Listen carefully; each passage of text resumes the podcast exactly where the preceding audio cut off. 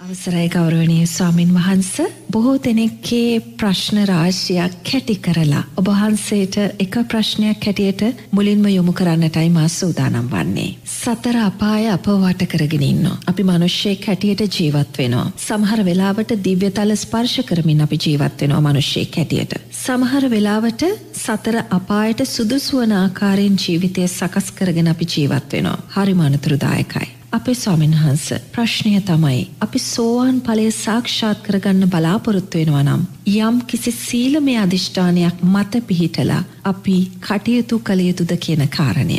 ඔබ වහන්සේගෙන් මේ කාරණය පැහැදිලි කරගන්නටයි අපි බලාපොරොත්තු වෙන්නේ. අවසරයි. පින්වත් නෝන මහත්මිය මේ මොහොතේ මගෙන් ප්‍රශ්න කරන්නේ සාමීන් වහන්ස යම් පින්වතෙක් මේ ජීවිතයේදී උතුම් සෝවාන් ඵලය සාක්ෂාත් කරගන්න අවශ්‍යනං ඒ කෙනා යම් සීලමය අධිෂ්ඨානයක් ඇතිකරගත යුතුද කියන කාරණය. අපි නිරේතුරුවම දකින්න ඕනේ සෝවාන් පලට පත්වීම උදෙසා මාර්ග දෙකක් බුදුරජාන් වහන්සේ දේශනා කළ නැහැ. උතුම් සෝවාන් පලේ සාක්ෂාත් කර ගැනීම උදෙසා බුදුරජාන් වහන්සේ දේශනා කළ තියෙන එකම එක මාර්ගයයි ඒ මාර්ගය තමයි උතුම් මාර්ෂ්ඨාංගික මාර්ග. ඉති උතුම් ආර්ෂ්ඨාංගික මාර්ගයේදී බුදුරජාන් වහන්සේ සීලය වෙනුවෙන් මාර්ගංග තුනක් පනවනවා සම්මා වාචා සම්මා කම්මන්තෝ සම්මා ආජීවෝ කියලා එනිසා ඔබ ගිහි පින්වතෙක් නම්. ඔබ මේ ජීවිතය උතුම් සෝවාන් පලේ සාක්ෂාත් කර ගැනීම උදෙසා චන්දයක් ඇතිකරගත්ත කෙනෙක් නං ඔබ දක්ෂ වෙන්න ඕනෙ දකින්න පින්වතාගේ සෝවාන් පලය උදෙසා අවශ්‍ය වෙන සීලය ආජීව අට්ටමක සීලයයි කියන කාරණය. ඔබ ගිහි පින්වතෙක් නං නිරේතුරුවම සම්මා වාචා සම්මා කම්මන්තෝ සම්මා ආජීවෝ කියන ඒ මාර්ගංග තුන ශක්තිමත් වැඩීම උදෙසා ආජීව අට්ටමක සීලේ අර්ථය ශක්තිය ජීවිතයට එකතු කරගන්න. එතොට ඔබ උතුම් ආජීව අට්ටමක සීලේ අර්ථය ජීවිතයට එකතු කරගත්තාය කියන කාරණයෙන් ඒ සීලය ඔබව කවදක්වත් උතුම් සෝවාන් පලය කරාරං යන්නේ නැහැ. ඔබ ආරක්ෂා කරන්න උතුම් ආජීව අට්ටමක සීලය නිරේතුරුවම ලෞකික ප්‍රඥාවට අදාළ සම්මාදිට්ටි සම්මා සංකප්ප කියන ඒ උතුම් අර්ථයන් දෙකෙන් ඔබ අනිවාර්යම පෝෂණය කරගත යුතු වෙනවා. ඒ නිසා නිරේතුරුවම සම්මා දිට්ටි සම්මා සංකප්ප කියන අර්ථයන් දෙකෙන් ඔබේ ආචීවට්ටමක සීලය පෝෂණය කරගන්න. ඒ පෝෂණය කර ගැනීම තුළයි ඔබට පුළුවන්කම ලැබෙන්නේ සම්මා සතියක් සම්මා සමාධයක් ජීවිතයට එකතු කරගන්න. මොකද අපි යම් දවසක උතුම් ආර්යෂ්ඨාංගික මාර්ගය ශක්තිමත් කරගෙන ආර්යෂ්ඨාංගික මාර්ගය තුළින් අපි බලාපොරොත්තු වෙන ඉලක්කය තමයි සම්මා සමාධිමත් හිතක් කියන කාරණය මුල් වටේදී. ඒ නිසා සම්මා සමාධිමත් හිතක් ඇතිවෙන්න නං ආජීව අට්ටමක සීලේ ආරක්ෂාව තියෙන්න්න මෝනේ පංච සීලයෙන් පමණක් කවදක්වත් උතුම් සෝවාන් පලේ සාක්ෂාත් කරගන්න බෑ. මොකද මාර්ගය තුළ සම්මා ආජීව බුදුරජන් වහන්සේ යොදල තියෙනවා. එනිසා ඔබ නිරේතුරුවම තේරුම් ගන්න වැරදි ආජීවයන්ගෙන් බැහැර වෙන්න ඔබ සෝවාන් පලය බලාපොරොත්තු වෙන කෙනෙක්නම්. මොනවද මේ වැරදි ආජීවයන් මස්මාන්ස වෙළඳාම වැරදි ආජීවයක් මත්වතුර වෙළඳාම වැරදි ආජීවයක් වෙඩි බෙහෙත් තුවක්කු වෙළඳාම වැරදි ආජීවයක් වසවිස වෙළඳාම වැරදි ආජීවයක් ඒවගේම මනුස්ස වෙළඳාම තිරිසන් සතුන් වෙළඳාම වැරදි ආජීවයන් කියලා බුදුරජාණන් වහන්සේ දේශනා කරන. එතකොට ඔබ මගෙන් ප්‍රශ්නයක් විමසන්න පුළුවන් ස්වාමීන් වහන්ස මස්මාන්ස වෙළදාම වැරදි ආජීවයක් නම්. මම හෝටලයක් කරන කෙනෙක් ආපන ශාලාවක් කරන කෙනෙක් එනිසා මම උයලා මස්මාන්ස වෙළඳං කරනවා එය මිච්චා ආජීවයකට අයිතිද කියලා. මෙතනදි පිංහතුනේ මේ කාරණය සිහිපත් කරගන්න ඕනේ ලෝතුරා බුදුරජාණන් වහන්සේ මිච්චා ආජීවයට අදාළව බොහොම පැහැදිලිව කියනවා මස්මාංස වෙනදං කිරීම මිච්චා ආජීවයක් කියලා. එක බුදුරජාණන් වහන්සේ දේශනා කලා උධර්මයක්. එතකොට මස්මාංස වෙනදං කිරීම මිච්චා ආජීවයක් කියන කාරණයේදී බුදුරජාණන් වහන්සේ දේශනා කරන්නේ නෑ මේ මස්මාංස කියන්නේ අමුවෙන් විකුණන්න වූ මස්මාංසද නැත්තං උයල පිහලා විකුණන්න වූ මස්මාංසද කියෙන කාරණය බුදුරජාන් වහන්සේ දේශනා කරන්නේ නැහැ. ඒ නිසා යමෙක් අමුවෙන් විකුණන්නා වූ මස්මාන්සයක් වේද? උයල පිහලා විකුණන මස්මාන්සයක් වේද? මේ කාරණා දෙකම මිච්චා ආජීවයක් හැටියටයි ධර්මානුකුලෝ දකින්න වෙන. හොඳේ එක මම මෙහෙම කිව්වා කියලා මාත් එක්ක අමනාප වෙන්න එපා.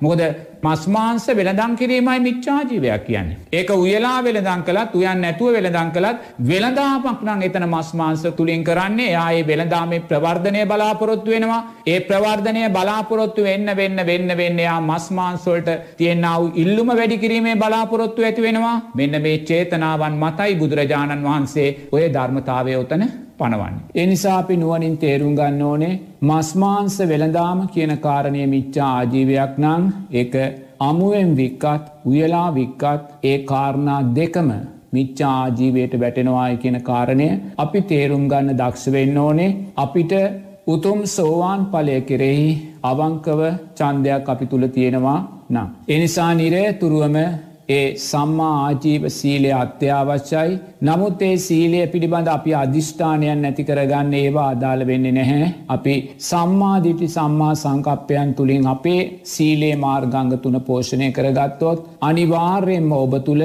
ආජීව අට්ටමක සීලයාව තුළ ඔබ කරන සම්මා වායාමයන් ශක්තිමත් වෙනවා. ඔබ නිරේතුරුවම සෑම පින්කමක්ම සිද්ධ කරන්නේ දානමය පින්කමක් වේවා සීලමය පින්කමක් වේවා භාවනාමය පින්කමක් වේවා ඔබ සෑම පින්කමක්ම සිද්ධ කරන්නේ ආජීවාට්ටමක සීලේ ආරක්ෂාව තුළ ඉඳලා. තුර අපි නිරේතුරුව මේ ආරේෂ්ඨාංගික මාර්ගය පැහැදිලි කරලා තියෙනවා.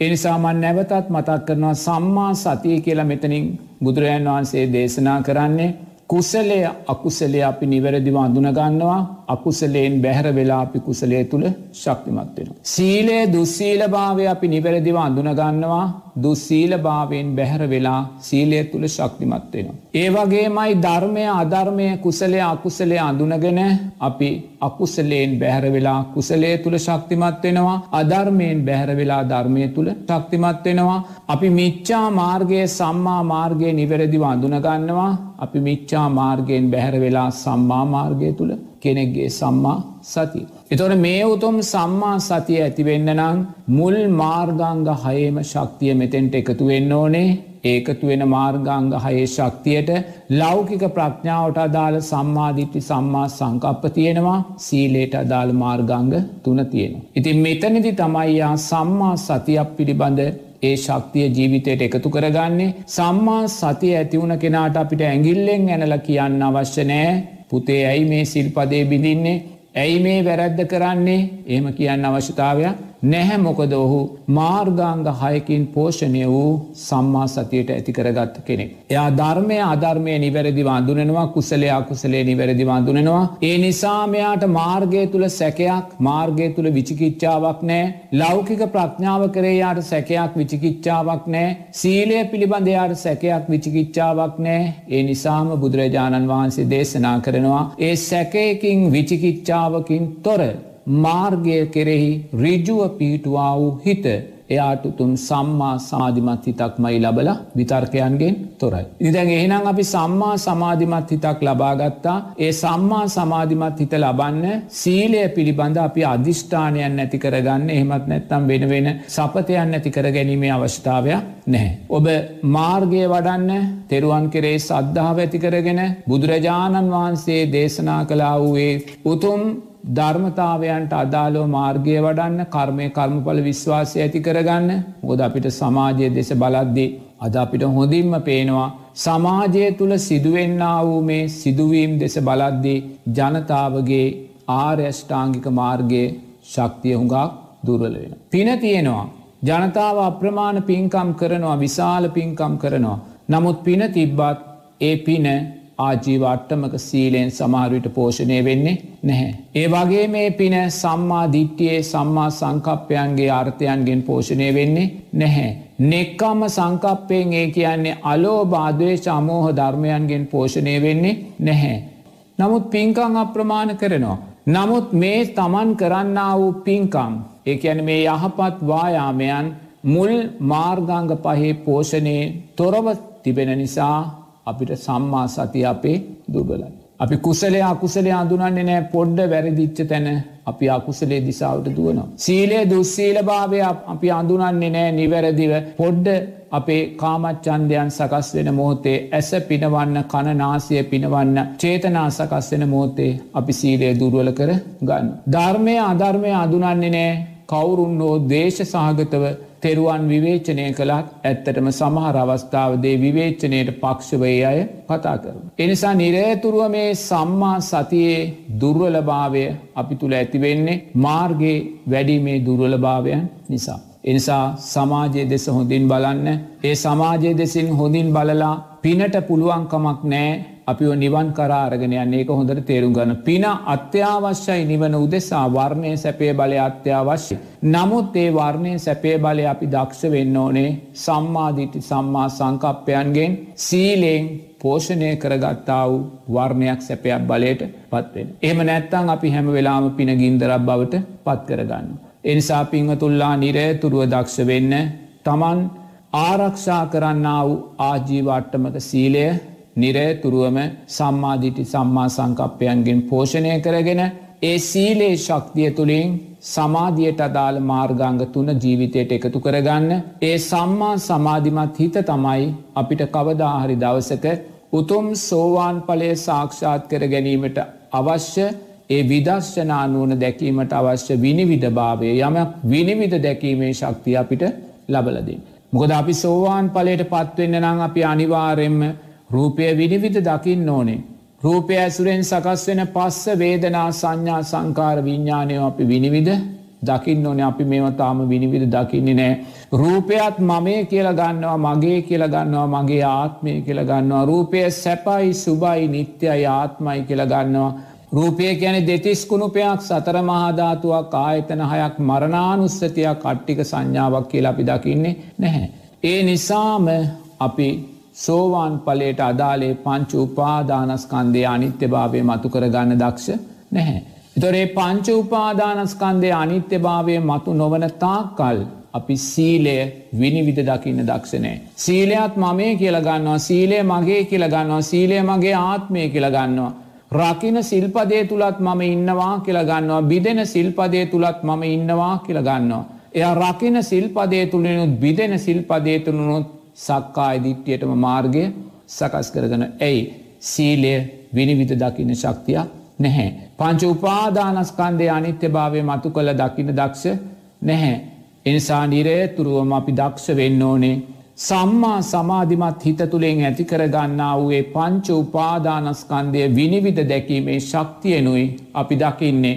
අපි ආජීව අට්ටමක සීලය සමාදං වුණත් ප්‍රාතිමෝක්ෂ සීලය සමාදං වුණත් සාමනේර දස සීලය සමාදං වුණත් මේ සෑම සීලයක්ම මා තුළ වැඩෙන්නේ රූපය ඇසුරු කරගෙන කියන කාරණය අපි දකින්නේ නැහැ. ඒ කියන්නේ රූපය ඇසුරෙන්න්නම් සීලය වැඩෙන්නේ රූපය නිත්‍ය ධනිත්‍යද රූපය අනිත්‍යයි. රූපය දෙතිස් කුණුපයක් රූපය සතර මහාධාතුවක් මේක අට්ටික සංඥාවක් මේක මරණානුස්සතියක් මේ සලායතනයන් ඉපදුනේ නාමරූප නිසා කියල අපි දකින්නේ නෑ. මේ නාමරූප ඉපදුනේ විඤ්ඥානය නිසා කියල අපි දකින්න දක්ෂනෑ.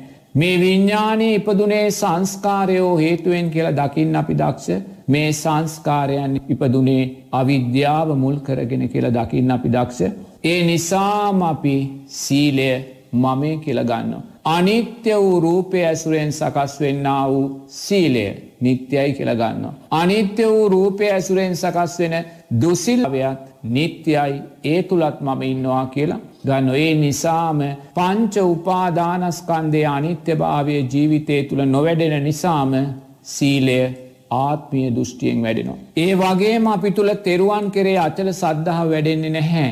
අපි බුදුරජාණන් වහන්සේ විනිවිධ දකින්න දක්ෂ නැහැ. අපි ධර්මරත්නය විනිවිධ දකින්න දක්ෂ නෑ අපි සංගරත්නය විනිවිධ දකින්න දක්ෂ නැහැ. අපි බුදුරජාණන් වහන්සේ මමේ කියලගන්නවා. බුදුරජාණන් වහන්සේ මගේ කියල ගන්නවා බුදුරජාණන් වහන්සේ මගේ ආත්මය කියල ගන්නවා. මා තුළ බුදුරජාණන් වහන්සේ ඉන්නවා බුදුරජාණන් වහන්සේ තුළ මම ඉන්නවා කියලා බුදුරජාණන් වහන්සේ ආත්මීය දෘෂ්ටියෙන් අපි ගන්න.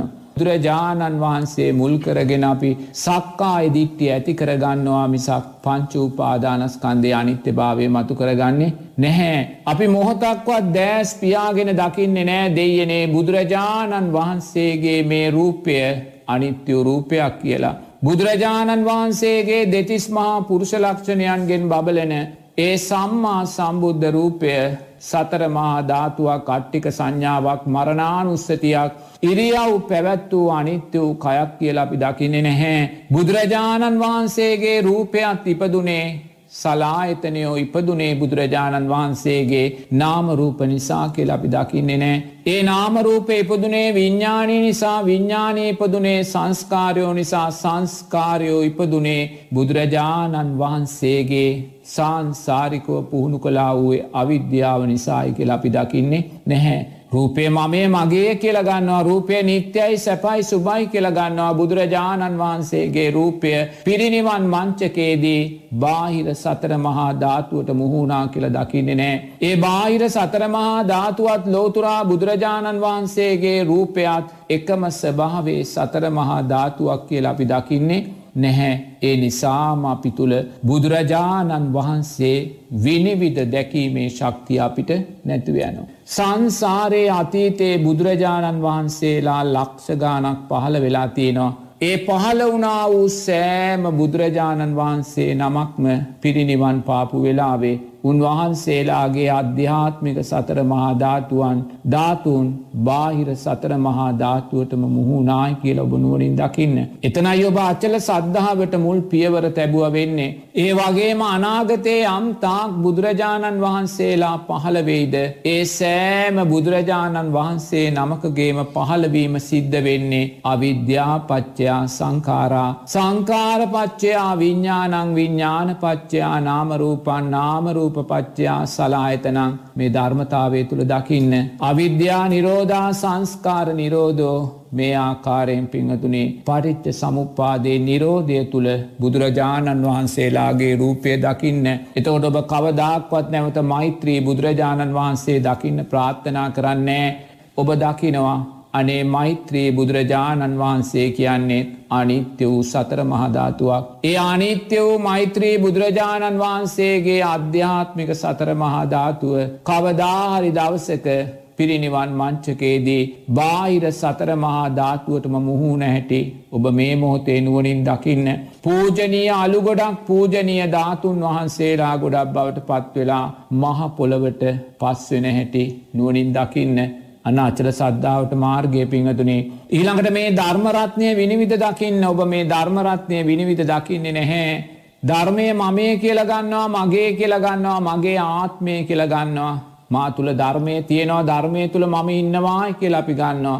ඒ නිසාම ධර්මය සක්කා එදිට්ටිය උදෙසාම අපි ජීවිතයට එකතු කරගන්නවා. ඒ නිසා මේ ධර්මරත්නය විනිවිධ දකින්න මේ ධර්මරත්නය ලෝකෙට පහළ වෙන්නේ ලෝතුරා බුදුරජාණන් වහන්සේගේ නික්ලේශී හදවතේ ඇති වෙලාමයි. ඒ නික්ලේශී හදවතේ ඇතිවුණ උතුම් ධර්මරත්නය නිත්‍ය වෙදෙ නෑ පිංහතුනේ. බුදුරජාණන් වහන්සේගේ රූපය අනිත්‍ය නං ඒ රූපය සතර මහා ධාතුවක් නං අට්ටික සංඥාවක් නම් මරනානුස්සතියක් නං බුදුරජාණන් වහන්සේගේ දෙතිස්මහා පුරුෂලක්ෂණයන්ගෙන් බබලනේ සම්මා සම්බුද්ධ රූපය පිරිනිවන් මංචකේ අලු ගොඩක් ධාතුන් වහන්සේලා ගොඩක් බවට පත්වනානං ඒ බුදුරජාණන් වහන්සේගේ නික්ලේශී හද මදලේ ඇති වෙලා ලෝකෙට ගලාගෙනාපු ධර්මය නිත්‍ය වෙන්නේ නෑ පිංහතුනේ ඒ ධර්මයත් අනිත්‍ය වෙලා යනවා.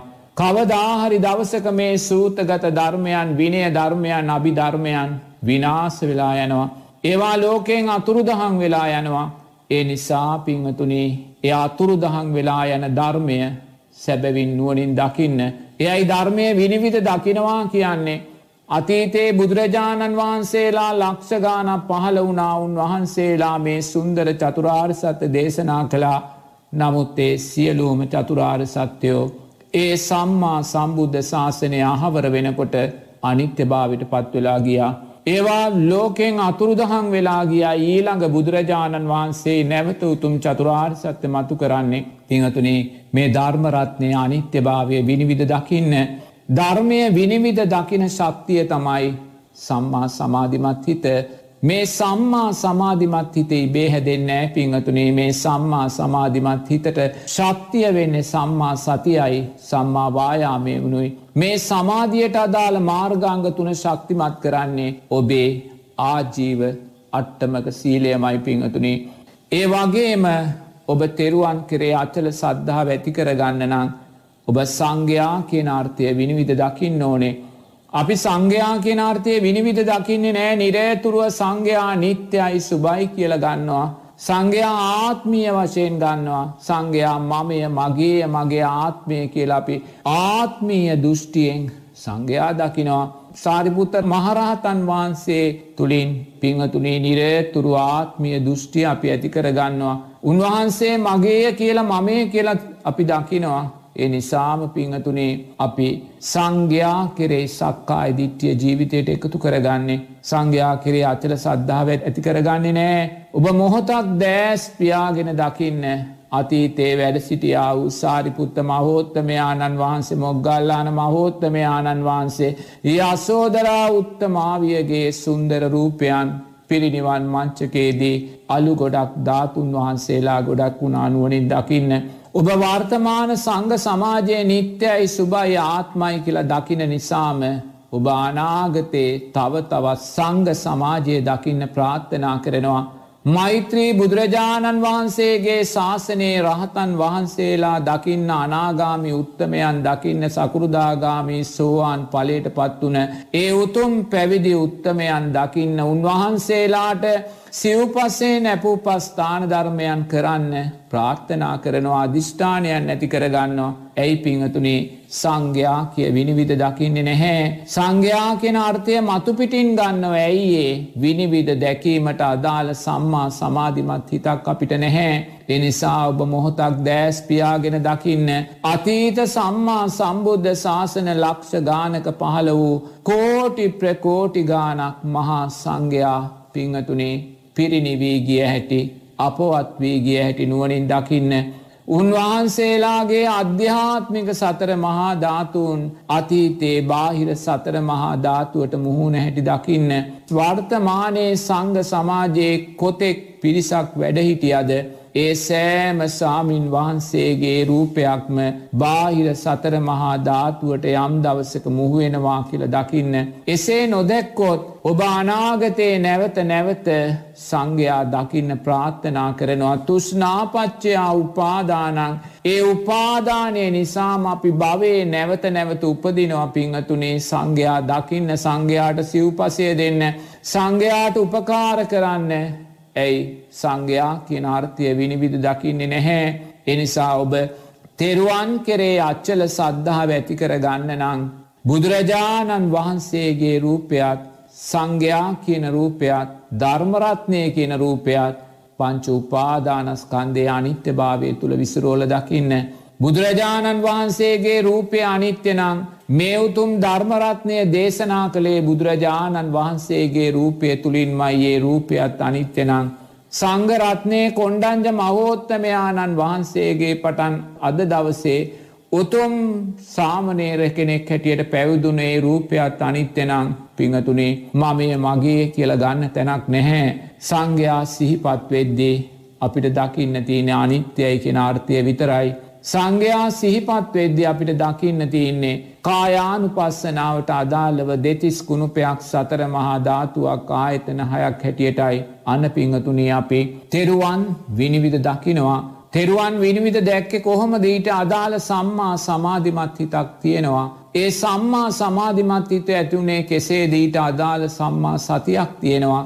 ඒ සම්මා සති ඇතිවුණේ ඇයි ආජීවාට්ටමක සීලෙන් පෝෂණය වූ සම්මා වායාමයක් අපිට තියෙනවා පිංහතුනී මේ ආකාරයෙන් මාර්ගය තුළ ශක්තිමත් වෙන්න සෝවාන් පලේට පත්වී මුදෙසා අධිෂ්ඨාන ඇතිකර ගැනීමේ අවස්ථාවයක් නැහැ. අපි කොතෙක් අධිෂ්ඨානයන් ඇතිකරගෙන මාර්ගය තුර දුර්වල වුණොත් අපිට අපේ ගමනාන්තයට යන්න බෑපිංහතුනේ ඉනිසා සංසාර බය දකින්න. අපිට මේ ජීවිතේ වැරදුනොත් නැවතුතුම් සෝවාන් පලය සාක්ෂාත් කරනවා කියන කාරණය ලේසි පාසු නෑ පිංහතුනේ. එනිසා නිරේතුරුවම දක්ෂ වෙන්න.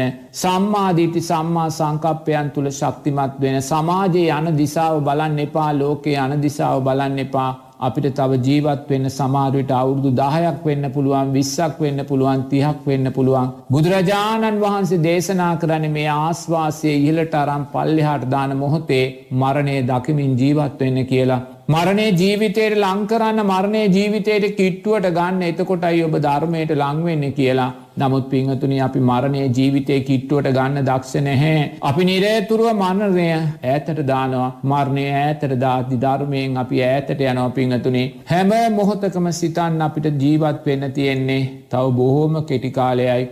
මේ කෙටිකාලය තුළ මගේ උත්සාහය මගේ වීරය මගේ චන්දය මා යොමු කරන්න ඕනේ. සතර අපායෙන් මිදිලා දෑස් දෙක පියාගන්නවායි කියන ධර්මතාවය අපි ජීවිතයට එකතු කරගන්න. අපි හිතනවා මුළු ලෝකෙම අපිට ඉන්නවා කියලා.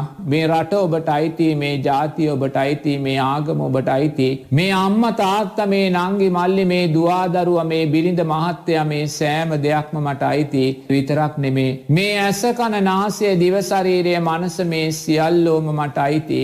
මේවාගේ පස්සයෙන් සකස් වෙනයම් විඳීමක් හඳුනා ගැනීමක් සංස්කාරයක් දැනීමක් තියෙනවනම් මේ සෑම පංච උපාදානස්කන්දයක්ම අපිට අයිතිය කියලා පිංහතුනේ මේ සියල්ල මමත්වේ දැඩිභාවෙන් ගත්තත් මේ කිසිම දෙයක් අපිට අයිති නෑ පිංහතුනේ මේ සෑම දෙයක්ම අතහැරල මේ සෑම දෙයක්ම දාල මේ සෑම දෙයක්ම අනුන්ට අයිති කරලා දීලා අපිට යන්න එන දවසක් එනවා. එනිසා ඒ දවස සිහියට නගාගන්න. ඒ දවසේ සිදුවෙන්න වූ ඒ ක්‍රියාවලිය සිහියට නගාගන්න. ඔබ දෑස් ඇරගෙන ජීවත් වෙන්න ගන්නා උත්සාහෙන් මොහොතකට බැහැර වෙලා. මොහොතක් දෑස් පියාගෙන මනසින් මැරෙන්න මැරෙන වෙලාවි පිංහතුනේ ඔබ නුවනින් දකින්න ඔබට අයිති වෙන්න කිසිම දෙයක් නෑ. ඔබ තුළින්ම ඔබ ඇතිකරගත්තා වූ කුසල් ලකුසල්ලෝ විදර්ශනා නුවන පමණක්මයි ඔබේ උපකාරයට ඉන්න ඔබේ සහයට ඉන්න මේ කිසිම කෙනෙක්ගේ සහයක් ඔබට නෑපිංහතුනේ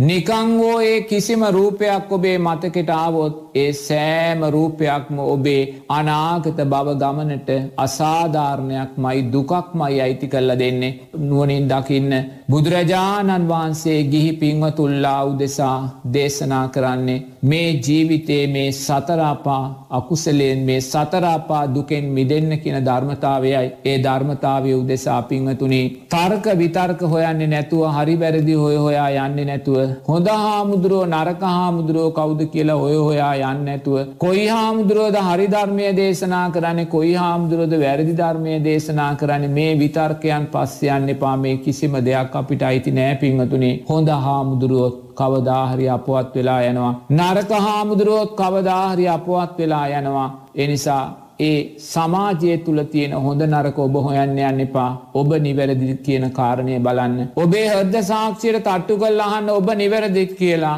අනුන්ගේ වැරැද්ද හෝ අනුන්ගේ නිවරැද්ද ඔබ හොයෙනවා නංගින් අදහස් වෙන්නේ ඔබ තාම වැරදි කරන ස්භාවෙන් යුක්තයි කියල පිංහතුනේ. එනිසා අනුන්ගේ වැරදි අනුන්ගේ හරිදේ ඔබ හොයන්නේ නැතුව ඔබ හරිද කියල බලන්න. ඔබ හරිනං ඔබ කොතනද ඉන්න ඕනේ ඔබ සම්මාධිට්්‍යය තුළ ඉන්න ඕනේ. ඔබට තෙරුවන් කරේ සද්ධාව තියෙනවනං ඔබ අනුන්ගේ හොඳ හොයන්න යන්නේ නැහැ. ඔබ අනුන්ගේ නරක හොයන්න යන්නේ නැහැ. ඔබ අනුන් හරිද අනුන් වැරදිද කියලා ඔබ හොයන්න යන්නේ නැහැ. බුදුරජාණන් වහන්සේගේ ධර්මයට අදාළවයි හොඳ නරක දකින්නේ හරි වැරැද්ද දකින්නේ යමෙක් හරිනං ඒකයාගේ සුන්දර සංස්කාරයක් යමෙක් වැරදිනං ඒක එයාගේ අසුන්දර සංස්කාරයක් පිංහතුනේ එමනං සංස්කාරයන්ට අයිතිදේ අපි හොඳ හෝ නරකහටියට බෙදලා අපි සංස්කාර රැස් කර ගතයුතු නැහැ. එසා තෙරුවන් කෙරෙයි සද්ධාවට එන්න බුදුරජාණන් වහන්සේ දේශනා කරන්නේ හිස ගිනිගත්තෙක් ඒ ගිනි නිවන්න යම් සේ වෙහිසද්ද ගන්නේ එහෙම වෙහිසක් අරගෙන මේ බව ගින්දර නිවාගන්න කියලයි. කර්මය කර්මඵල විශ්වාසය ඇති කරගන්න සමාධය දෙස බලන්න කොයි සානම් අකුසල් විපාක දෙනවද කුසල් විපාකට එනවද හොඳ සහ නරක කොයිසා අපි සමාජය තුළ දකිනවද පිංහතුනේ? එනිසා කර්මය කර්මඵල විශ්වාසය ඇති කරගන්න වැරදි කරන දිසාවන්ට යන්න එපා. වැරදි කළොත් වැරදි විපාකයන් ලැබෙනවායි කියෙන විශ්වාසය ඇති කරගන්න. ඔබට පිංහතුනේ සම්මා දිට්්‍යය පිළිබඳ මහා පාඩමක් සමාජයෙන් ඔබට ලබාගන්න පුළුවන් නමුත් ඒ පාඩම අපි ලබාගන්නේ නෑ. අපි නිරේතුරුව සමාජය උපයෝගී කරගෙන තව තව තව තව සම්මාධිට්්‍යය දුරුවල කරගන්නයි හදන්නේ සමාජයේ දෙස බලද්‍ය අපි තුළ වැඩෙන්නේ තෙරුවන් කරේ සද්ධහවමයි. දෙයනේ ලෝතුරා බුදුරජාණන් වහන්සේ සියලු සංස්කාරයෝ අනිත්‍යයි කියල කිව්වනං සක් සුදක්සේ ඒ සංස්කාරයන්ගේ අනිත්‍ය භාවය අපිට පේනවා. මේ උතුම් ධර්මරත්නය තුළින් ධර්මය ස්වක්කාතයි කියලා බුදුරජාණන් වහන්සේ දේශනා කරනම් මේ සියලු ස්වක්කාත ධර්මයෝ අපිට ඇස් පනාපිටම බොහෝම සරලෝ පේනවා පිංහතුනේ සිල්වත් භාවේ විපාක අපිට පේනවා. දුසිල්වත් භාවේ විපාක අපිට පේනවා. දන්දීමේ විපාක දන් නොදීමේ විපාක අපිට පේනවා. කුසලේ විපාකයන අකුසලේ විපාකයන් අපිට පේනවා. යැස් පනාපිට සක් සුදක්සේ පෙනෙන ඒ කර්මය කර්මඵල විශ්වාසය අපේ ජීවිතයට එකතු කරගන්නේ නැහැ. පටිච්ච සෞපන්න උපත පිළිබඳ විශ්වාසය අපේ ජීවිතයට එකතු කරගන්නේ නෑ දෙයනේ මං මැරෙනවා. මැරෙන වෙලාවේ මම තිරිසනෙක් වෙලා ඉපදෙයිද. ප්‍රේතයෙක් වෙලා ඉපදෙයිද මන් දේශය වඩනවා කේන්ති ගන්නවා ව්‍යාපාදය ඇතිකර ගන්නවා. නිරේතුරුව පිංහතුනේ සංඝයාට චෝදනා කරනවා තෙරුවන්ට අගෞරුව කරනවා. හිතන්නේ නෑ පටිච්ච සමුපන් උපතක් පිළිබඳව. එනිසා පටිච්ච සමුපන් උපත කරේ විශ්වාසයන් ඇති කරගන්න මේ සම්මා දිට්්‍ය ආර්ථයන් කරේ විශ්වාසය ඇති කරගන්න. එයයි සෝවාන් පලයට පත්වීම උදෙසා අදාළ පලවෙනි පියවර බවට පත්වෙන්නේ. ඉළඟට ආජීවාට්ටමක සීලයට එන්න ආජීව අට්ටමක සීලේ පංච සීලයෙන් කවදක්වත් සෝවාන් පලේ සාක්ෂාත් කරගන්න බෑ පිංහතුනේ අනිවාර්යෙන්ම අපේ වචනය හොඳින් සංවර කරගන්න ඕනේ. වචනය අසංවර වෙච්ච තැනදී වචනය කරේ සතියසිය බිඳුන තැනදී පිංහතිනි අපි නිරේතුරුවම අපේ විසිරෙන කතාවන්මයි අපි සිද්ධ වෙන්නේ. වචනය විසුරණ තැනති කවදාක්වත් අපි තුළ පිංහතුනේ සම්මා සතියක් සම්මා සමාධයක් අපිට ඇති කල්ල දෙන්නේ නැහැ. එනිසා නිරේතුරු ආජීව අට්ටමක සීලේ ශක්තියම ජීවිතයට එකතු කරගන්න ඊළඟට පිංහතුනී ඒ තුළින් ඇති කරගන්න සමාධී අංගයන් තුන ශක්තිමත් කරලා ඒ සම්මා සමාධිමත් හිත තුළින් ඔබ දක්ෂවෙන්න පංච උපාදානස්කන්දය අනිත්‍ය භාවය දකින්න. ඒ තුළිනුයි ඔබ සීලය විනිවිධ දකින්නේ සද්ධාව විනිවිධ දකින්නේ ඒ තුළින් සීලය ආර්කාන්ත සීලයක් බවට සද්ධාව අච්චල සද්ධාවක් බවට පත්කරගෙන ඔබ කවදාහරි උතුම් සෝවාන් පලේ සාක්ෂාත් කරන්න කියලයි ධර්මය සඳහන් වෙන්නේ.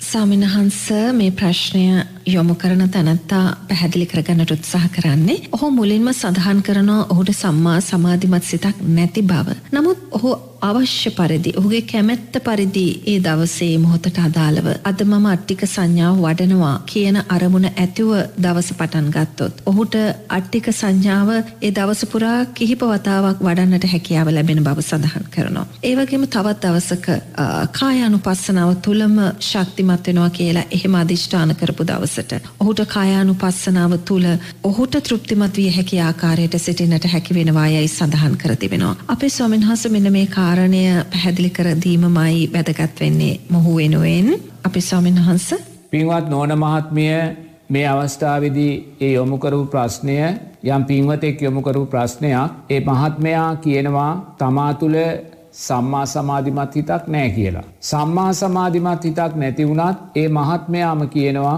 මම සමහරදාට උදේට සිතුවිල්ලක් ඇති කරගන්නවා මං අද දවසේ අට්ටික සංඥාව පුළුවන් තරම් වඩනවා කියලා. එම සිතුවිල්ලක් ඇති කරගෙන පුළුවන් පුළුවන් අවස්ථාවකදී එය අට්ටික සංඥාව වඩනවා. තවදවසකයා සිතුවිල්ලක් ඇති කරගන්නවා මම අද මරණානුස්සතිය වඩනවා කියලා. එදාත් පුළුවන් පුළුවන් විදිහට මරණානුස්සතිය වඩනවා. නමුත් ඒ මහත්මයාම මුලින් සඳහන් කරනවා මට සම්මා සමාධිමත් හිතා නෑ කියලා. එතොරේ කාරණා දෙක පරස්පර විරෝධී. යම් පින්වතෙක් කියනවනම් මට සම්මා සමාධිමත් හිතක් නැහැ.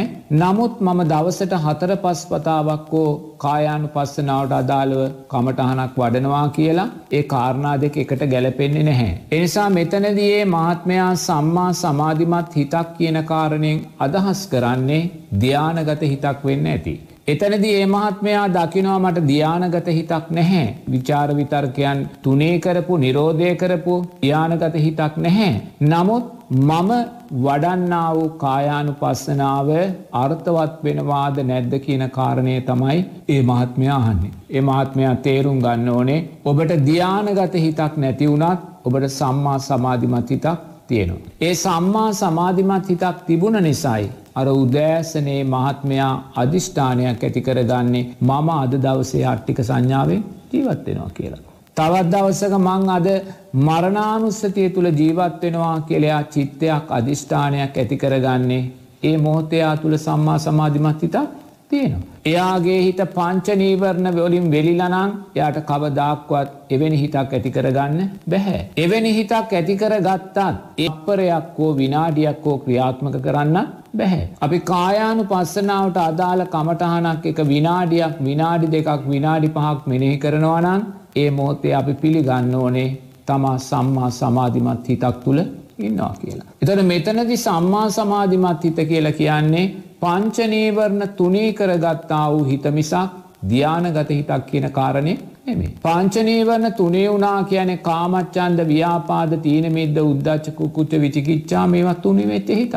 පිංහතුල්ලා මේ මෝතේ සිරස ගුවන් විදිලි ඉදිරියේ වාඩි වෙලා මේ සුන්දර උඳුව ප්‍රාත්‍රියයේදී පිංහතුනේ ඔබ දෙස ඔබ හොඳින් බලන්න ඔබ සම්මා සමාධිමත් හිතක් ඇතිවයි ඉන්න පිංහතුනි. මේ මොහොතේ කාමච්චන්ද ව්‍යාපාද තීනමිද්ද උද්දච්චකු කුච්ච විචිකිච්චාවන් තුනී වෙලා තියෙන්නේ. ධර්මය කරේ හොඳින් සතිය සීහ පීටලතිනවා. චතුරාර් සත්‍ය ධර්මයන් කරේ සතිය සීහ පීටලතිනවා. ඒ නිසාම පංචනීවන තුනේ වූ හිතක් ඔබට තියෙනවා. ඒ පංචනීවන තුනේ වූ හිත කියන්නේ ධ්‍යානගත හිතක් නෙමේ. ඒ පංචනීවන්න තුනේ වූ හිත කියන්නේ ආර්යෂ්ඨාංගික මාර්ගයේ ශක්තිය තුළ.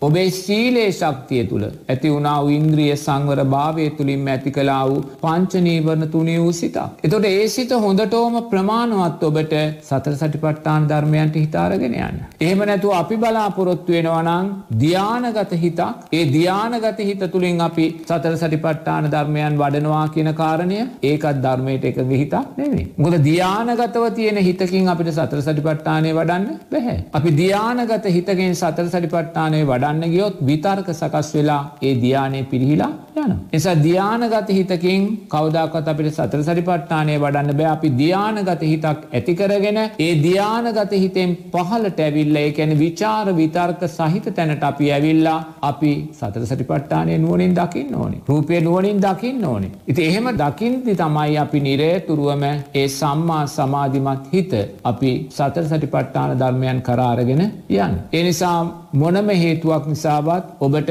ඔබේ ජීවිතය තුළින් කායානු පස්සනාව හෝ සත සටිපට්ටාන ධර්මයන් වඩාගන්න ධ්‍යානගත හිතක අවශ්‍යතාවයක් නැහැ ඔබ ආර්යෂ්ඨාංගික මාර්ගයේ ශක්තියෙන් ඔබේ සීලේ ශක්තියෙන් ඔබ ඇති කරගත්තා වූ පංචනීවරණ තුනේ වූ හිත හොඳටෝම ප්‍රමාණවත් කායානු පස්සනාවට අදාළ ධර්මතාවය ඇති කරගන්න. එහෙම ඔබ කායානු පස්සනාවට අදාළ කමටහනක් පුහුණු වෙද්දී ඔබ තුළ විතර්කයන් සකස් වෙනවනම්. මගේ ළඟ සම්මා සමාධිමත් හිතක් නැහැ මේ කායානු පස්සනාව හරිද මේ කායනු පස්සනාව නිවැරදිව වැඩෙනවාද එහෙම සිතුවිලි සකස් වෙනවනම් ඒ සිතුවිලි කරුණා කරලා චිත්තාන් පස්සනාවට බාරදයෙන්. එච්චරයි. දැන් ඔබ තුළ සම්මා සමාධිමත් හිතක් නැහැ කියලා ඔබ කියද්දී නමුත් මම දවසට කීපවතාවක් හෝ කායානු පස්සනාව වඩනවා කියල කියද්දී ඔබ මොකක්ද කරන්නේ කායානු පස්සනාව වැඩුවත් ඔබ චිත්තානු පස්සනාව වඩලා නෑ. ඇයි කායානු පස්සනාව නිසා සකස් වෙන්න වූ පස්ස වේදනා සංඥා සංකාර විඤ්ඥානයෝ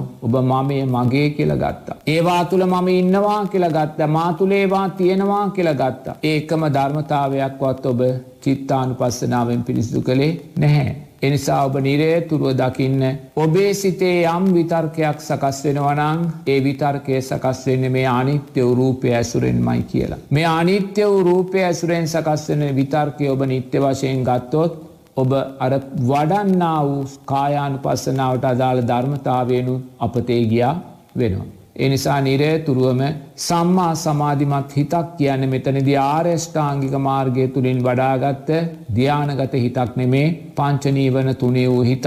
ඔබ තුළ පංචනීවරණ තුනේ වූ හිතක් තියෙන වනං ඔබට ඕනෙම මොහොතක කායානු පස්සනාවට අදාළ කමටහනත් ජීවිතයට එකතු කරගන්න පුළුවන්. නමුත් ඒ කායානු පස්සනාවට අදාළ කමටහන තුළ ඔබ චිත්තානු පස්සනාව වේදනානු පස්සනාව දම්මානු පස්සනාව කෙන මේ කාරණා තුනෙන්ම ඔබේ කායානු පස්සනාවට අදාළ කමටාන් පොත් ඕනේ. ඒ වගේම නෝන මේ කාරණයක් ප්‍රශ්නයට අදාළව මම මතු කරල දෙන්න ඕනේ මොකොදර ඒ මුල් ප්‍රශ්නයාපු මහත්මයා මතක් කළේ තමන්ට විදර්ශනාව වඩන්න අවශ්‍යනම්. අනිවාර්යෙන්ම ධ්‍යානගත හිතක් තිබෙන්න ඕනේ කියන කාරණයනේ තෝට එතනදී මහත්මයා තේරුම් ගත්තේ නෑ. මෙතැන්දී ධ්‍යානගතක් හිතක් අවශ්‍ය නෑ. මෙතැන්ට අවශ්‍ය සම්මා සමාධිමත් හිත කාරෂ්ඨාංගික මාර්ගෙන් පෝෂණය වූ සම්මා පංචනීවන තුනී වූ හිතකින් අපිට විදර්ශනා වඩන්න පුළුවන්. ඒවගේම සමාජයේ මතයක් තියෙනවා. අනිවාර්යෙන්ම අපි උතුම් සෝවාන් සකෘදාගාමි අනාගාමි අරිහත් පලයන්ට පත්වෙන්න ඕනෙනම් එමනතන් කායානු පස්සනාව සතර සටිපට්ටාන් ධර්මයන් වඩන්න ඕන්නන් අපිට ධ්‍යානගත හිතක් අවශ්‍යයි කියන කාරණය. එතන මුලාවක් ඒ මුලාවට යන්න එපා නිරේතුරුවම ධ්‍යානගත හිතකුත් සම්මා සමාධිමත් හිතක් අතර තියෙන වෙනස ඔබ නුවනින් තේරුම් ගන්නවා. මොද අපි සම්මා සමාධිමත් හිතයි ධ්‍යානගත සමාධයක් කරා අරංයන්න. ඒක එක මාර්ගයක්. ඔබ සම්මා සමාධිමත් හිතක් ඇතිකර ගත්තට පස්සේ ඔබට අවශ්‍යනගේ සම්මා සමාධිමත් හිත ධ්‍යානගත සමාධයක් කර අරං යන්න පුළුවන්. එතනින්ම අපිට පේනවා සම්මා සමාධයක් ධ්‍යානයක් කියන කාරණය අතර වෙනසක් තියෙනවා. එහෙම නැත්තං ඔබට පුළුවන් සම්මා සමාධිමත් හිතක් ඇතිකරගත්තනම් ඒ සම්මා සමාධිමත් හිත විදර්ශනාව කරා අරගෙනයන්. එදොරේ කාරණා දෙකම තියෙනවා. දොරේ කාරණා දෙක තුළින් අපි දකින්න ඕන එක දෙයක් ප්‍රඥාවිමුක්ත රහතන් වහන්සේ කියන රහතන් වහන්සේලා අතීතයේ වැඩ සිටිය ප්‍රඥාවිමුක්ත රහතන් වහන්සේට ධ්‍යාන ශක්තිීන් නැහැ කියල බුදුරජන් වහන්සේ දේශනා කරනවා. නමුත් උන්වහන්සේ රහතන් වහන්සේ කෙනෙක් උන්වහන්සේ පංචුපාදානස්කන්දය අනිත්‍ය භාවය අවබෝධ කලා. එතරවන්ට පංචුපාදානස්කන්දය අනිත්‍ය භාවය අවබෝධ කරපු ප්‍රඥාවිමුක්ත රහතන් වහන්සේට බුදුරජාණන් වහන්සේ දේශනා කරනවා ධ්‍යානගත ශක්තිය නැ කියලා. එතර උබතෝ භාග විමුක්ත රහතන් වහන්සේ තමයි උන්වහන්සේ සම්මා සමාධිමත් හිතක් ඇතිකරගෙන ඒ සම්මා සමාධිමත් හිතෙන් රූපාවචර අරූපාවචර ධ්‍යානයන්ට සමවැදිලා ඒ රූපාවචර අරූපාවචර ධ්‍යානයනුත් විදශ්ශනානුවනින් දැකලා ඒ සියලු ප්‍රාතිහාරයන් සමගින්ම උතුම් චතුරාර් සත්‍යය උන්වන්සට එරදි ප්‍රාතිහාරය පාන්න පුළුවන් අනුන්ගේ සිද්ධකින්න පුළුවන් දිවසෝත දිවඥාන තියෙනවා උන්වහන්සේට චුතුපපාත පූරුවේ නිවාසානු සිඥාන තියෙන මේ සියලුම දක්ෂතාවයන් උන්වහන්සේට තියෙන්නේ ඇයි? උන්වහන්සේ ආර්යෂ්ඨාංගික මාර්ගය තුළ ගමන් කරලා ඒ ආර්යෂ්ඨාංගික මාර්ගය තුළින් සම්මා සමාධිමත් හිතක් ඇතිකරගෙන ඒ සම්මා සමාධිමත් හිත මුලින්ම යොමු කළේ විදර්ශනා ප්‍රඥාව දිසාවට නෙමේ. උන්වහන්සේ සම්මා සමාධිමත් හිත මුලින්ම යොමු කළේ ධ්‍යානගත හිතක් කර. එසා ධ්‍යානගත හිතකෙන් රූපාවච්චර අරූපාවච්චර ධ්‍යානොල්ට සමවැදිලා ඒ ධ්‍යානොල ශක්තිය ජීවිතයට අරගෙන ඉන් පසුවේ ධ්‍යාන ශක්තිීන්ගෙන් පහලට ඇවිල්ලා විචාර විතර්කයන් තුළින් නැවත ධ්‍යානයන්ම සතර සටිපට්ටානයෙන් දැකල තමයි උන්වහන්සේ උතුම් උබතෝග භාග විමුක්තරාතන් වහන්සේලා බවට පත්වේ. ඉති ඒ නිසා ප්‍රඥාවිමුක්ත රහතන් වහන්සේටත් සමහරත් ප්‍රඥාවිමුක්ත රහතන් වහන්සේලාට රූපාවචර ධ්‍යානවලට පත්වීමේ ස්භාවයන් තියෙන් නැති. නමුත් බුදුරජන් වහන්සේ කියනවා ප්‍රඥාවිමුක්ත රහතන් වහන්සේට ධ්‍යාන ශක්තිීන් නැහැ කියන කාරණයේදී අදහස් වෙන්නේ සැම ප්‍රඥාවිමුක්තරාතන් වහන්සේ කෙනෙක් නොවෙන්නත් පුළුවන්. නමුත් හැම වෙලාම ප්‍රඥාවිමුක්ත රහතන් වහන්සේටත් ධ්‍යාන ශක්තිීන් නැත්තං එකෙන් රහත් පලට පත් වනේ උත්තමයාට ධ්‍යාන ශක්තිය කියන එක නැත්තං අපි දකින්න ඕනේ නිරේ තුරුවම ඒ ප්‍රඥාවිමුක්ත රහතන් වහන්සේ උතුම් චතුරාර් සත්‍ය අවබෝධ කරන්න සම්මා සමාධිමත් හිතකි. එති සම්මා සමාධිමත් හිතයි රූපවේදනා සාරවිඤ්ඥාණයන්ගේ අනිත්‍ය භාවය දැකලා උන්වහන්සේව ප්‍රඥාවිමුක්ත රහතන් වහන්සේ බහිනි බවට. එතොට එහෙනම් පංචුපාදානස්කන්දය අනිත්‍ය භාවය දැකලා ප්‍රඥාවියුක්තරාතන් වහන්සේ උතුම් චතුරාර් සත්‍ය අවබෝධ කරලදී අපි ගේමු කලා. දොර කෙනෙක් අහන්න පුළුවන් දැ උන්වහන්සේ උතුම් රහත් පලට පත්වෙලා ඉන්නේ. උන්වහන්සේ උතුම් රහත් පලට පත්වෙලා ඉදිද්දි ඇයි උන්වහන්සේට ධ්‍යානකත සමාධියක් දැන්වත් ඇති කරගන්න බැරිදි කියලා. ඒක බැරිකමක් නෙවේ. උන්වහන්සේට ධ්‍යානගත සමාධයක් ඇති කරගන්න බැරිකමක් එතර නැහැ මොකද උන්වාසි චතුරාර් සත්‍ය අවබෝධ කරලා උන්වහන්සේ පංචනීවරණ යටපත් කලා විද්‍යාව නිරෝධය කරලා තියන්නේ. එනිසා උන්වහන්සේ ධ්‍යාන ශක්තිීන්ගෙන් තොරව පංචුපාදානස්කන්ධය අනිත්‍ය භාවය අවබෝධ කලා දැන් උන්වහන්සේ දැන් රහතන් වහන්සේ කෙනෙක් නමුත් උන්වහන්සේට ධ්‍යාන ශක්තියක් ඇතිකරගන්න බැරිකමක් නැහැ. නමුත් ඇයි උන්වහන්සේ ධ්‍යාන ශක්තිීන් කරන්න යන්නේ. ඊට හේතුව තමයි සංසාරයේ ඇතිකරගත්තා උපා දානය. ඒ සංසාරය ඇතිකරගත්තා උපාදානයන් කියන්නේ ප්‍රඥාවියුක්ත රහතන් වහන්සේ අතීත සම්මා සම්බුද්ධ ශාසනුල ඉපදිලා. උන්වහන්සේ දකිනවා ප්‍රඥාවියුක්ත රහතන් වහන්සේලා. දැ අපේ චකුපාල විශාල මහරහතන් වහන්සේලා වගේ රහතන් වහන්සේලා දැකලා උන්වහන්සේ උපාදානයක් ඇතිකරගන්නවා තුෂ්නාවෙන් මමත් කවදාහරි දවසක සම්මා සම්බුද්ධ ශාසනයකදී උතුම් චතුරාර් සත්‍ය අවබෝධ කරන්න මෙන්න මේ වගේ ප්‍රඥාවිමුක්ත රහතන් වහන්සේ කෙනෙක් ටියට. උන්වහන්සගේ උපාදානයකයි තුෂ්නාපච්චයා උපාදාන. එතොට තුෂ්නාපච්චයා ඇතිකරගත්තා උපාදානයට අදාළව උන්වහන්සේ මේ සම්මා සම්බුද්ධ ශාසනයේ මනුස්සෙක් වෙලා ඉපදිලා බුදුරජාණන් වහන්සේගේ කල්්‍යයාන මිත්‍රාශ්‍රය ලබලා බුදුරජාණන් වහන්සේගෙන් සතර සටිපට්ඨාන ධර්මයන් අහල චතුරාර් සත්‍යයන් අහලා උන්වහන්සේ පංචු උපාදානස්කන්දය අනිත්‍යයි කියලා අවබෝධ කරද්දී. උන්වහන්සේට ධ්‍යානගත සමාධිය පිළිබඳ උපාදානයන් සකස් වෙන්නේ උන්වහන්සේ සමහදන්න මොකද උන්වහන්සේ පුහුණු කළේ නෑ උන්වහන්සේ වැඩුවෙන ධ්‍යානගත සමාධීන් කරේ පාදානයක් වැඩුවෙනෑ සංසාරය කොතන දුවක්. එනිසා උන්වහන්සේට ධ්‍යානගත සමාධයක් කියද්දිම උන්වහන්සේ ඊළඟ හිතෙන්ගේ හිතා නිත්‍යයි කියල චිත්තාන් පස්සනාවෙන් දැකලා එච්චර වෙන දෙයක් උන්වහන්සේට නැහැ. නමුත් උබතෝග භාග විමුක්ත රහතන් වහන්සේගේ තත්වේසේ එමේ. උන්වහන්සේ සංසාරයේ උබතෝ භාග විමුක්ත රහතන් වහන්සේලා දැකලා එරදියෙන් යන රහතන් වහන්සේලා දැකළ ප්‍රාතිහාරපාන රාතන් වහන්සේලා දැකලා උන්වහන්සේ තුෂ්නාවෙන් උපාදානය කරගන මම කවදාහරි දවසක මෙවැනි ප්‍රාතිහාරයන් පාන් රහතන් වහන්සේ කෙනෙක් බවට ඒ ඔයාගේ උපාදානය. එතුර ඒ උපාදානය තුළ උන්වහන්සේට සම්මා සමාධිමත් හිතක් ඇති කර ගත්තර පස්සේ උන්වහන්සේට හිත දෙන්නේ විදර්ශනා ප්‍රඥාව දිසාවට යන්න නෙමේ පංචුපාදානස් කන්දයානිත්‍ය භාවය දකින නෙමේ උන්වහන්සේට හිත් සකස් වෙන්නේ නිරතුරුවම උපාදානය ඇති වෙන්නේ ධ්‍යානගත සමාධියකට යන්න. රූපාවචර ධ්‍යානෝලින් අරූපයට යන්. අරූපාවචර ධ්‍යාන සම්වැදිලා ඉන් පස්සෙ තමයි උන්වහන්සිට එක විදර්ශනා නුවරින් දැකීමේ උපාදානය සකස්වෙන්. එනිසා ඒවා මහත්තයෝ සංසාරිකෝ අපි ඇති කරගන්න අවිද්‍යාව හේතුවෙන් අපි ඇති කරගන්න සංස්කාර හේතුවෙන් සකස් වෙන දැනීම් හැටියටයි අපි ඒව දකින්න ඕන. එනම් ප්‍රඥාභිමුක්තරහතන් වහන්සේට උතුම් චතුරාර් සත්‍ය අවබෝධ කරන්න ධ්‍යානගත සමාධයක් අවශ්‍ය වනේ ඒනම් අපිට උතුම් චතුරාර් සත්‍ය අවබෝධ කරන්න ධ්‍යානගත සමාධයක් අවශ්‍ය වෙන්නේ? නෑ නිසයි බුදුරජන් වහන්සේ කියන්නේ ඔබ ආර්යෂ්ඨාංගික මාර්ගය කරේ විශ්වාසය තියන්න. ආර්යෂ්ඨාංගික මාර්ගය තුළ රිජුව පිහිටුවන්න. එරිජුව පිහිටුවා වූ සිත සම්මා සමාධිමත් හිතක් ඇති කරගන්න.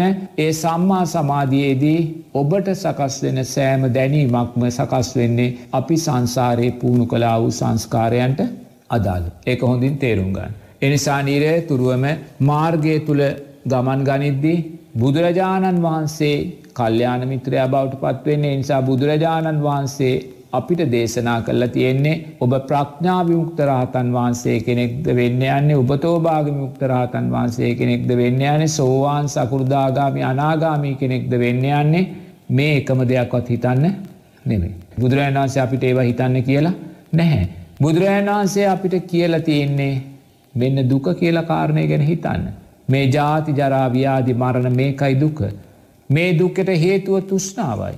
දුක නැති කරන්න නම් තුෂ්නාවයි නැති කරන්න ඕන නැතිකිරීමේ මාර්ග ආරේෂ්ඨාංගික ඔතනයි තෙරුවන් කරේ සද්ධාව කියන්නේ. එනිසා ඔබ ප්‍රාතිහාරයපාන කෙනෙක්ද නැති කෙනෙක්ද මම සෝවාන් වෙන සම්මා සමාධිමත් හිතෙන්ද එහෙම නැත්තං ධ්‍යානගත හිතෙන්ද මේ එකම දෙයක්වත් ඔබට හිතන්න කියලා බුදුරජන් වහන්සේ කියලා නෑ. ඔබ ඒවා හිතනවනං ඔබ බුදුරජන් වහන්සේ ඉක්මවා ගියා වූ කෙනෙක්. ඒ අනේ සද්ධාව දුරල කරගත්ත බුදුරජාණන් වහන්සේ අපිට කියලා තියන්නේ මෙන්න මාර්ගය මාර්ගය තුළ ශක්තිමත්වයන්න. එච්චර. එනම් අපේ එකම කැමැත්ත එකම චිත්තය එකම අධිෂ්ඨානය වියයුත්තේ සම්මා සමාධිමත් කියන හිත කියන තැනයි. ඔබ සම්මා සමාධිමත් හිතක් ඇතිකරගත්තද පංචනීවරණ තුනේ වූ හිතක් ඇතිකරගත්තද සංස්කාර පච්චයා විඤ්ඥානං ඔබම පුහුළු කලා වූ සංස්කාරයන්ට අදාළව දැනීම ඔබට සකස් කරලා එතන තමයි ඔබ තෝරාගතයුතු තැන.